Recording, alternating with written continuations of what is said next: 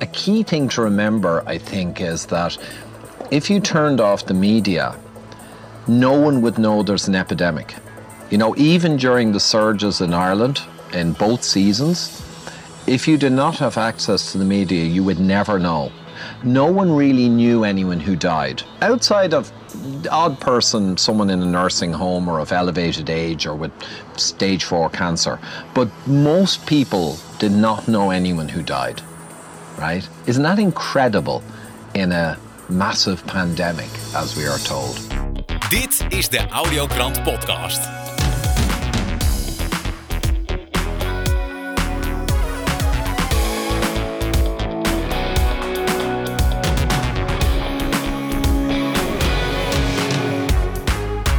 Fijn dat je luistert naar de Audiokrant.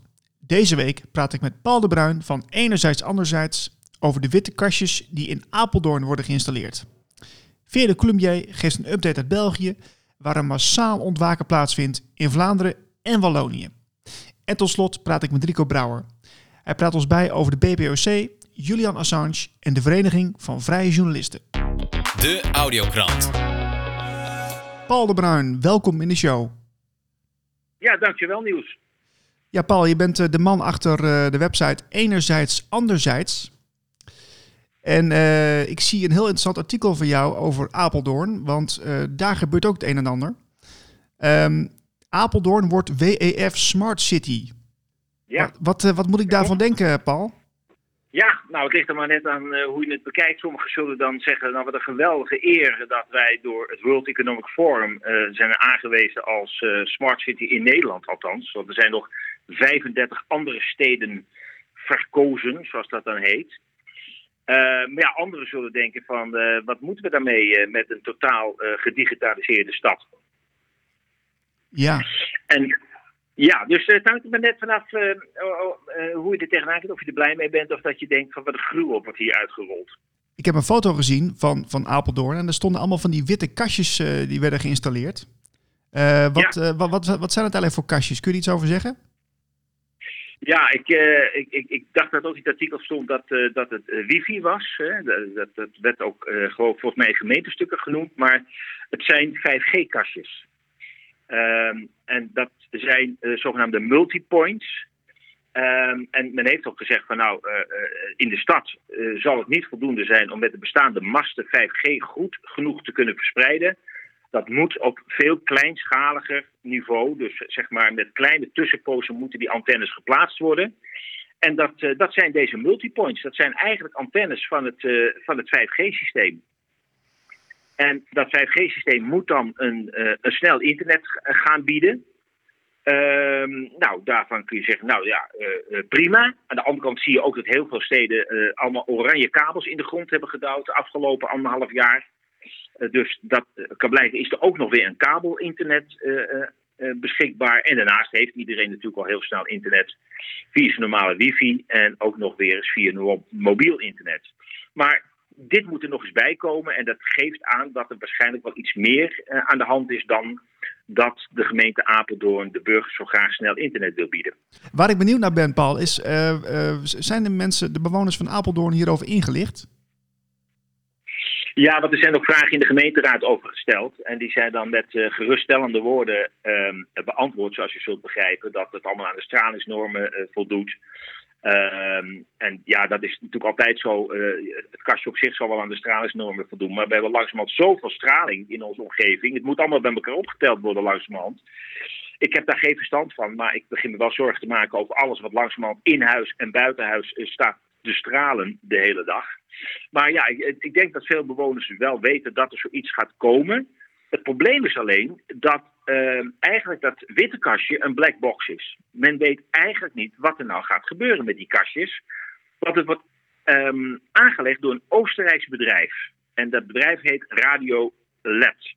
LED met LED. Ik heb contact met ze opgenomen. Ik heb nog geen reactie gehad van ze en een aantal vragen ook gesteld.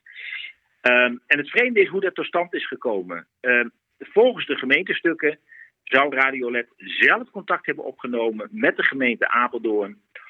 Mogen wij bij jullie ons digitaal net uitrollen? Hmm. En de gemeente Apeldoorn heeft daar welwillend op gereageerd. Of Radiolet op het spoor is gekomen van Apeldoorn vanwege de WEF, eh, de World Economic Forum nominatie, zo zou ik kunnen zeggen. Dan wel, wat ik, eh, wat ik een, een lezer van uh, enerzijds, anderzijds uh, schreef in een commentaar op dit artikel. Die zegt, ja, hou er rekening mee, er zit al een bedrijf in Apeldoorn, Divitel. En die staat vermeld op de website van het World Economic Forum. Dus misschien ligt daar een lijntje. Oh, dat is interessant. Oké. Ja, dat is uh, zeker interessant. Maar wat nog interessanter is, het kost de gemeente niets. En dan wordt het echt interessant. Want de wat het bedrijf zegt, wij gaan dit zelf terugverdienen. En dat gaat om een bedrag van 17,8 miljoen. Zo. Dan vraag ik me af, hoe ga je dat dan terugverdienen? Waarmee? Nou, er is maar één antwoord, data. Ja. En van wie? Ja, van de, van de burgers natuurlijk. Nou, ik, van ik wie ga, anders? Paul, ik ga even wat opnoemen, want ik, zie- ik zie het artikel van jou nu voor me. Ehm, hier staat ook, eh even kijken hoor, sensoren die melden of er een tunnel onder water staat. Sta- eh, dat, dat kan worden gemeld. Sensoren die aangeven of bomen en planten genoeg water krijgen. Eh, vrije parkeerplaatsen aangeven voor auto en fiets. Dus, dus, dus die technologie die, die brengt alles in kaart, hè? Ja, en dat, dit zijn dan natuurlijk de, de, de functies die de gemeente als voorbeelden heeft genoemd. Maar het is het bedrijf dat bepaalt wat erop komt. Want het, het, het, netwerk is helemaal niet van de gemeente. De gemeente heeft ook geen stuiver betaald. Dus het bedrijf gaat zeggen, ja, ik maak zelf wel uit waarmee ik mijn geld ga verdienen.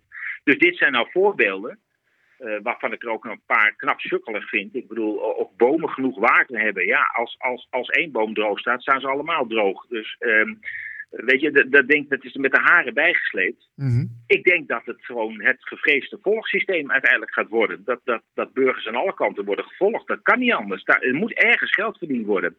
En of je dat met eh, droge bomen eh, gaat verdienen, dat weet ik ook niet. Nee, maar we weten inmiddels wel dat eh, data is het nieuwe olie. Dus dan is het toch een heel, Ja. heel logische vervolgstap dat, ehm, ja, dat, we nog, dat we nog nadrukkelijker worden ja, bekeken en ja, gevolgd inderdaad.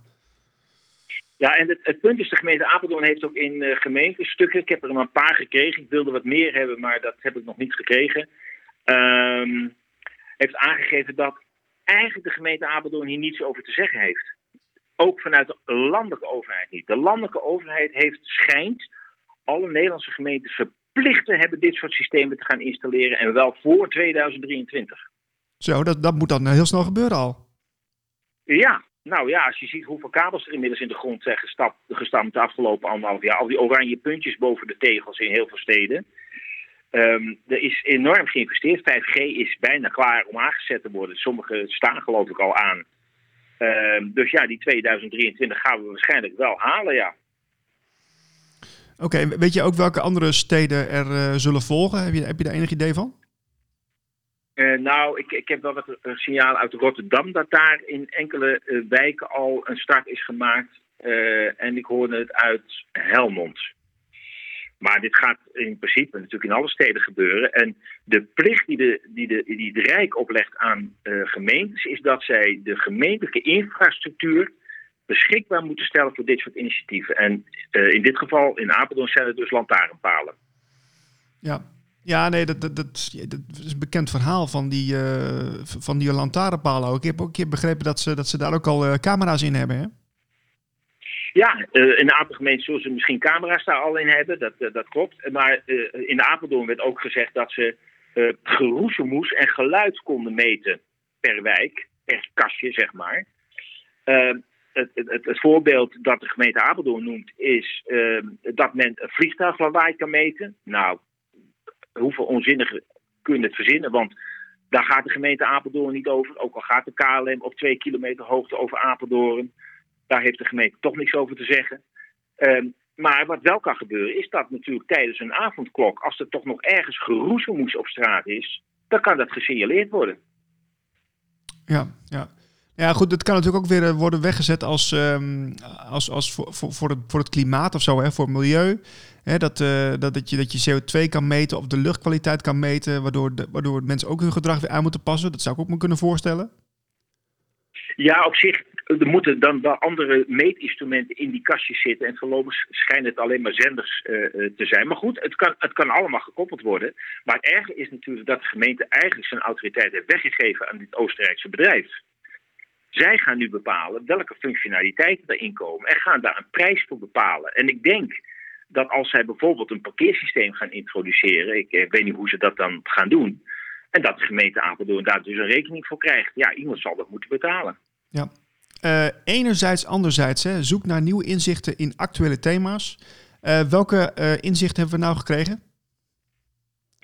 Nou, de inzicht dat, dat we als gemeenschap via de gemeente over een belangrijk aspect in ons leven, namelijk privacy, dat we daar weinig of geen invloed meer op hebben.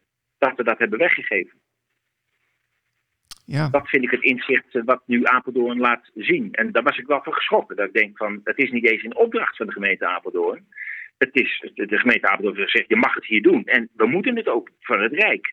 En ik denk, nou, dan heb ik dus als burger in een bepaalde stad... heb ik dus daar geen enkele zeggenschap meer over... als zo'n kastje voor mijn deur komt te hangen. Paul, dank voor je tijd. Graag gedaan. Veerle Coulombier, welkom in de show. Hallo, dag Niels. Vele, wat leuk je weer te spreken. Ah, helemaal hetzelfde. Ik ben ook blij u nog eens te horen en uh, met u nog eventjes een, uh, een klein interview te kunnen doen. Heel fijn. Ja, want we zitten alweer in de, de laatste maand van het jaar. En uh, ja, we, we, zijn eigenlijk heel benieuwd van de audiokrant hoe het nou in België gaat. Want ik heb de indruk dat België aan het ontwaken is. Ja, die indruk heb ik de laatste maanden ook gekregen. Um, zowel door mensen die... Um, ja, gevaccineerd zijn als mensen die niet gevaccineerd zijn. De mensen beginnen echt met elkaar te spreken en ze voelen dat er iets niet klopt.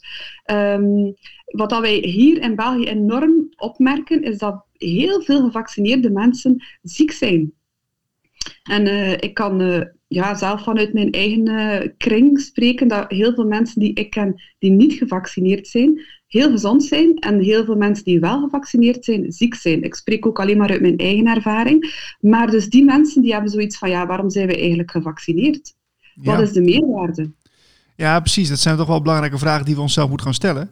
Um, en nu vertelde jij mij ook dat, um, dat er ook uh, steeds meer uh, demonstraties uh, worden georganiseerd. En dat die ook goed bezocht worden. kun je daar iets over vertellen? Het is zo. Eigenlijk uh, zijn er al sinds vorig jaar mei manifestaties in België en die zijn altijd maar meer gegroeid van tal van organisaties. Um, maar tot nu toe kwamen die niet in het nieuws. Ook al waren dat soms hele grote manifestaties, die werden meestal uit het nieuws gehouden. Ik denk uh, het meest uh, frappant was de organisatie Belgians for Freedom die uh, in Brugge enkele weken geleden 5000 mensen, of meer zelf, um, in Brugge hadden gekregen. Zelf met een enorme regenachtige dag. En dat is niet in het nieuws gekomen. Het enige dat daarover verschenen is, is op de HLN en op een paar regionale um, nieuwsdiensten dat er 500 mensen waren. Ondanks het feit dat daar dus video's van gemaakt zijn met een timelapse van begin tot einde, 10 minuten lang, dan kan je niet meer spreken over 500 mensen. Zo, wat, wat die censuur bij jullie is ook gewoon uh, heftig dus. Want dat, dat zien we in Nederland ook regelmatig met demonstraties. En dat ja. de verkeerde aantallen worden opgegeven. Uh, ja, dus het, dus maar, dat, we, we, weten dat inmiddels, dus dat is niet iets waar we ons over moeten verbazen. Maar het is toch wel even goed om te vermelden. Ja, en naast de censuur, Niels, is er ook enorm veel propaganda. Ik was overlaatst nog een beetje naar uh, tv aan het kijken. En normaal kijk ik daar niet naartoe, want ik heb dat thuis niet meer. Maar uh, ja, door gelegenheid heb ik toch nog een keer naar tv gekeken bij iemand anders. En ik merk enorm veel propaganda, angstpropaganda.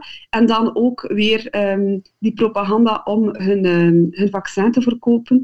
en ook tal van andere propaganda over wat ze in de toekomst allemaal nog willen voorzien en verkopen aan de mensen.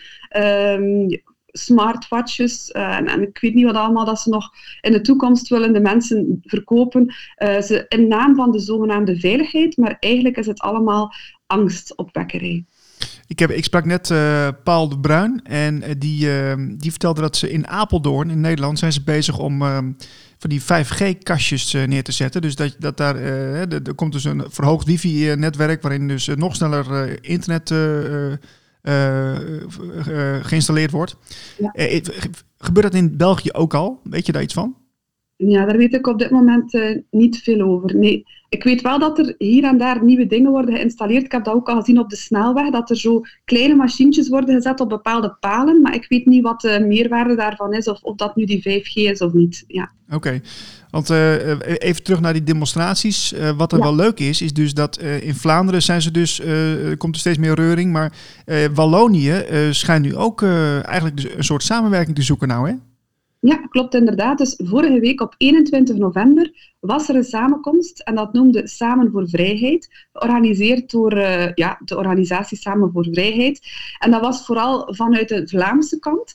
Uh, dat was een enorm succes. Dus tot nu toe waren er altijd kleinere samenkomsten. En pas op, kleiner, duizenden mensen is nu eigenlijk ook niet klein. Maar nu spreken we over tienduizenden en misschien zelfs honderdduizend. Maar het probleem is...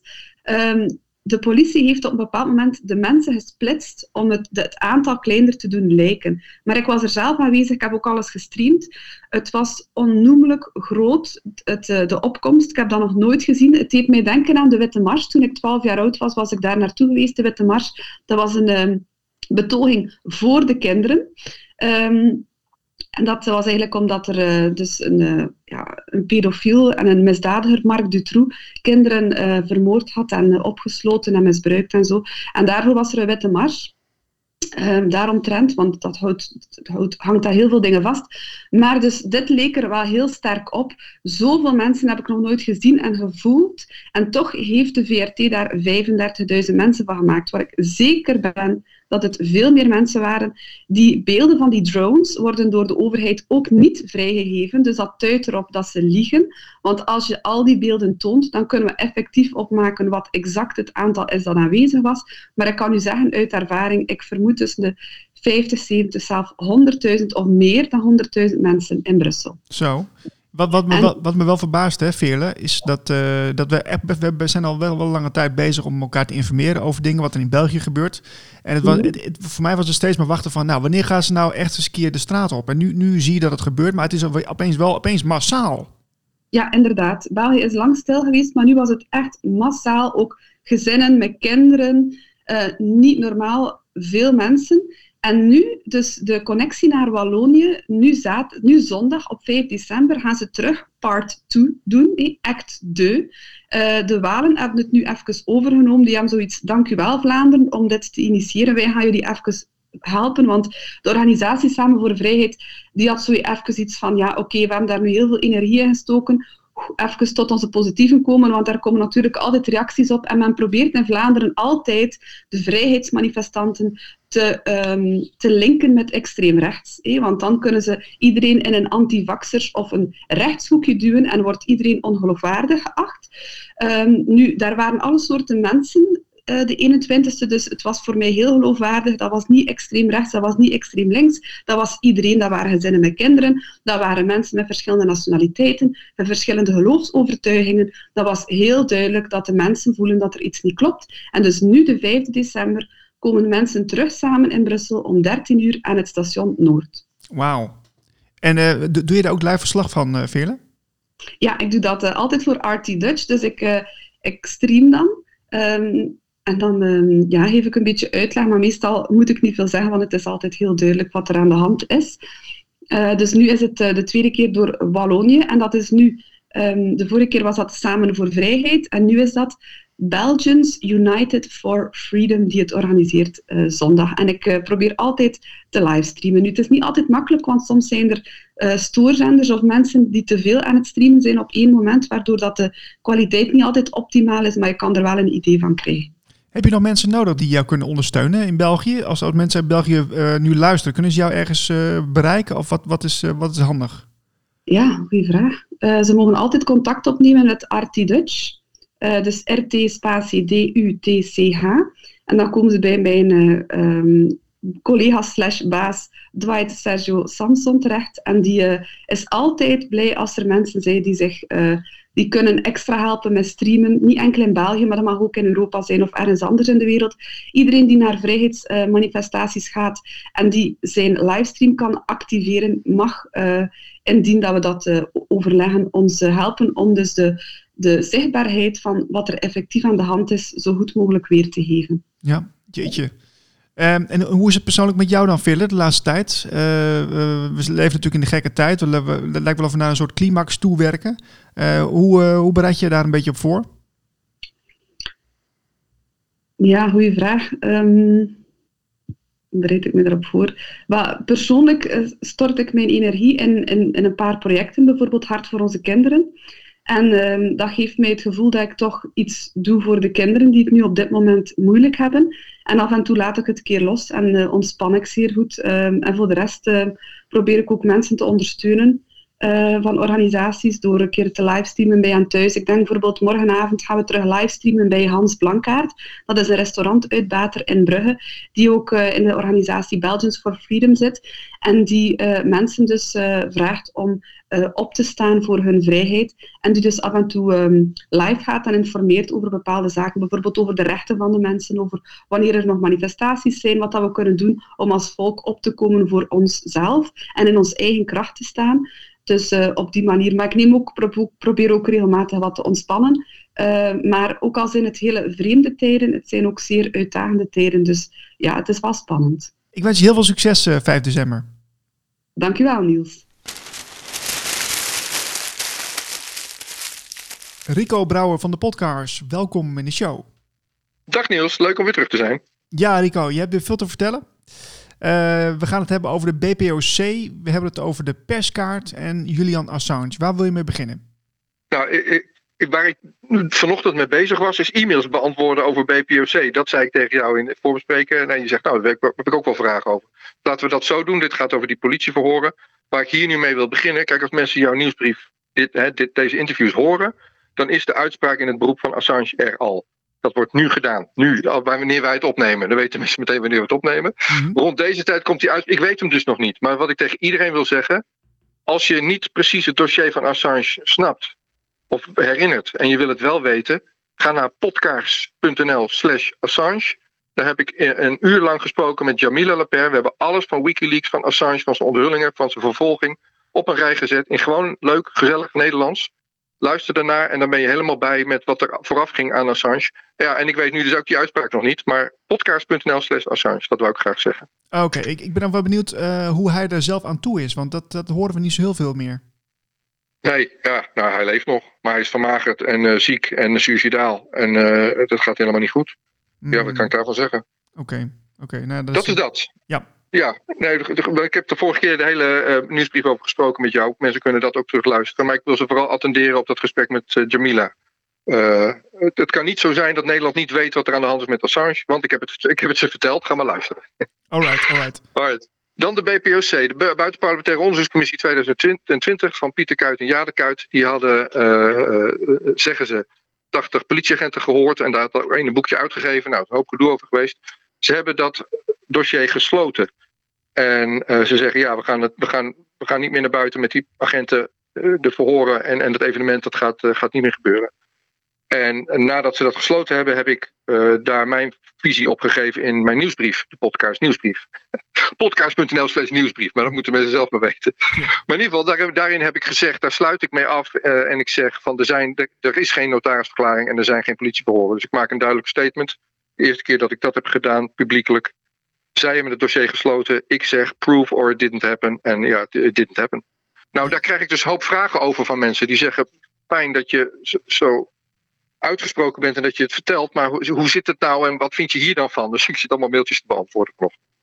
Ja, want ik vind het wel een bijzondere situatie worden. Want eh, wij waren eigenlijk eh, vol verwachting eh, de afgelopen tijd. Van nou, wanneer komen die eh, politieverhoren nou eens naar buiten? En nu, nu geef jij eigenlijk duidelijk aan van ja, ze zijn gewoon niet geweest of zo. Ik zeg, ze zijn er in ieder geval niet alle 80 geweest. Correct.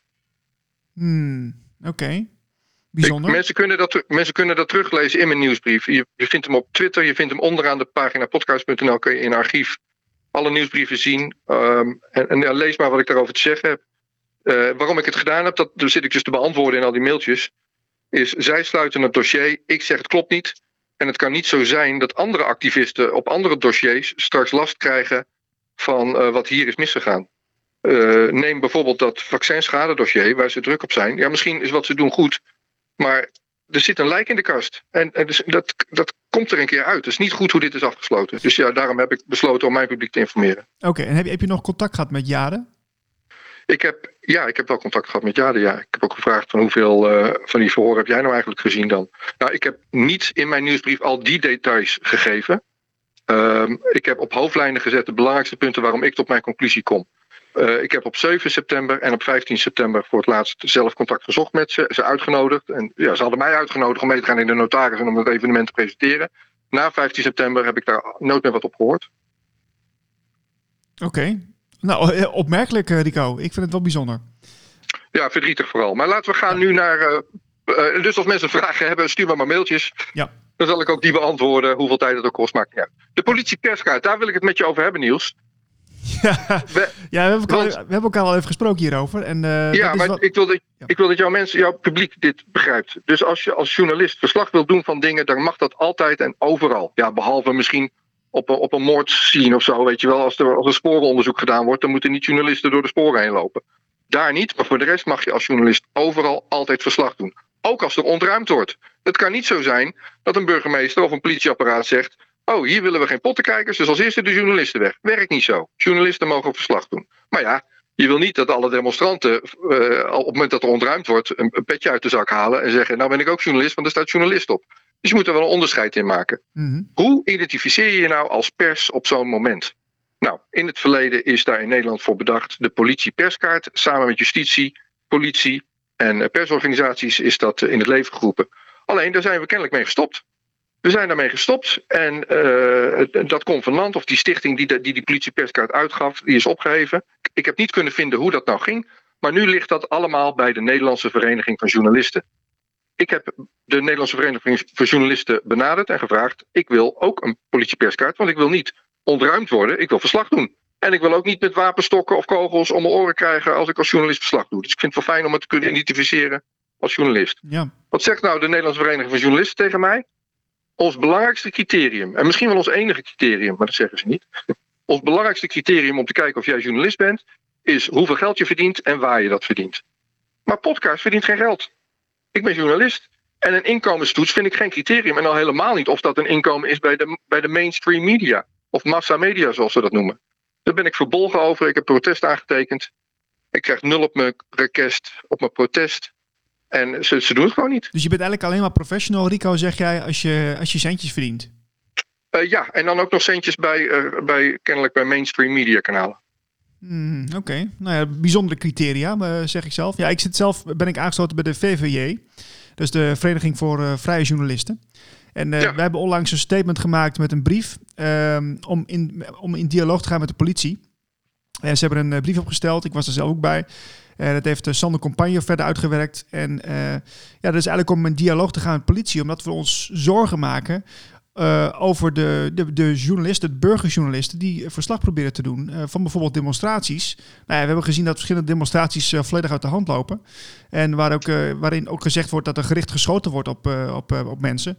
Nou ja, dat is sowieso zo voor burgers als voor burgerjournalisten gewoon een hele ja, waardeloze situatie om daar nog je werk te kunnen doen natuurlijk. Ja, klopt. Ik wil, wil het niet nuanceren, want je zegt het feitelijk correct. Maar ik geloof niet dat er gericht geschoten is op met de intentie om journalisten te raken, laat ik het zo zeggen. Maar er is wel een journalist in zijn buik geschoten. Dus ja, dat is echt gebeurd in Nederland. Ja. Ja, mijn, ja, mijn, dialoog, mijn dialoog met de Nederlandse Vereniging van Journalisten staat op podcast.nl. Dus mensen kunnen daarheen, podcast.nl, klik op podcast en de perskaart. dan zie je mijn aanvraag, hoe ik dat beargumenteerd heb. En dan zie je het antwoord van de NVJ. Nou, sprak ik jou, Niels. En jij zegt, ja, maar Rico, waarom ben je niet lid van de Vereniging van Vrije Journalisten? En nou, dat vond ik een goede vraag. ja. En ik, heb, ik, heb me dat, ik, heb me daarnaar, ik ben daarnaar gaan kijken. Vrijejournalisten.nl. En ik heb gisteren besloten daar lid van te worden. Want als ik toch op zo'n demonstratie ben en een agent zegt tegen mij: identificeer je als, als een journalist dan? Nou, dan wil ik daar best wel uh, zo, zoiets laten zien van kijk, ik ben journalist en ik ben lid van de Vereniging van Vrije Journalisten. Dus dat is mijn uh, identiteitsbewijs of zo, als ze dat vragen. Los daarvan staat er in het groot pers op mijn helm en op mijn jas. Dus ze kunnen prima zien dat ik pers ben. Maar uh, ik word binnenkort jouw collega lid bij de Vereniging van Vrije Journalisten. Als ze me willen hebben. Als er geen inkomenstoets is. Uh, maar ik wil, ik wil verder gaan. Ja. En eh, ik, wil, ik wil ze graag uitnodigen hier in podcast, want ik wil hierover verder spreken. Nou, dat is helemaal goed. Ze dat, dat, dat, dat willen ze vast wel. Dat zal eh, Sander Compagne, onze voorzitter, die zal er wel eh, een keertje willen aanschuiven. En als je je, aanmeldt, dan krijg je binnen een aantal eh, weken of dagen krijg je ook een perskaart toegestuurd. Nou, heel graag, want ik ga binnenkort weer eh, verslag doen. Ik maak me een beetje zorgen.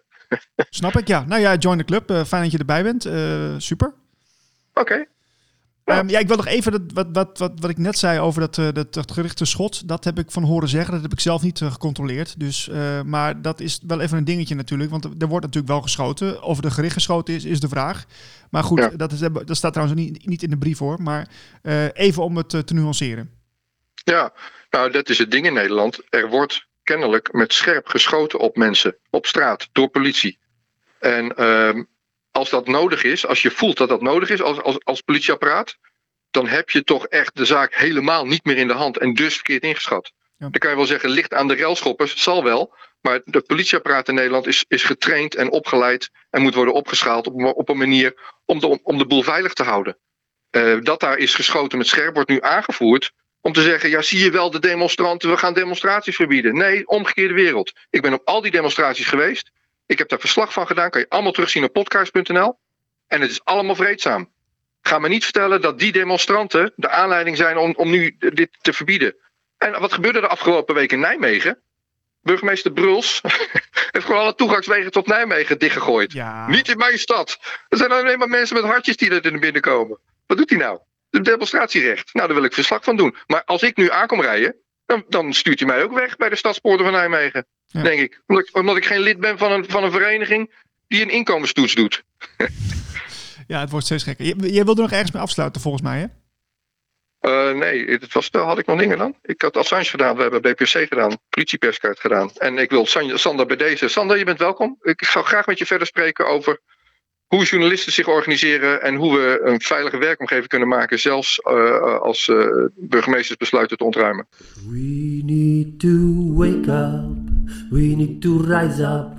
We need to open our eyes and do it now, now, now. We need to build a better future.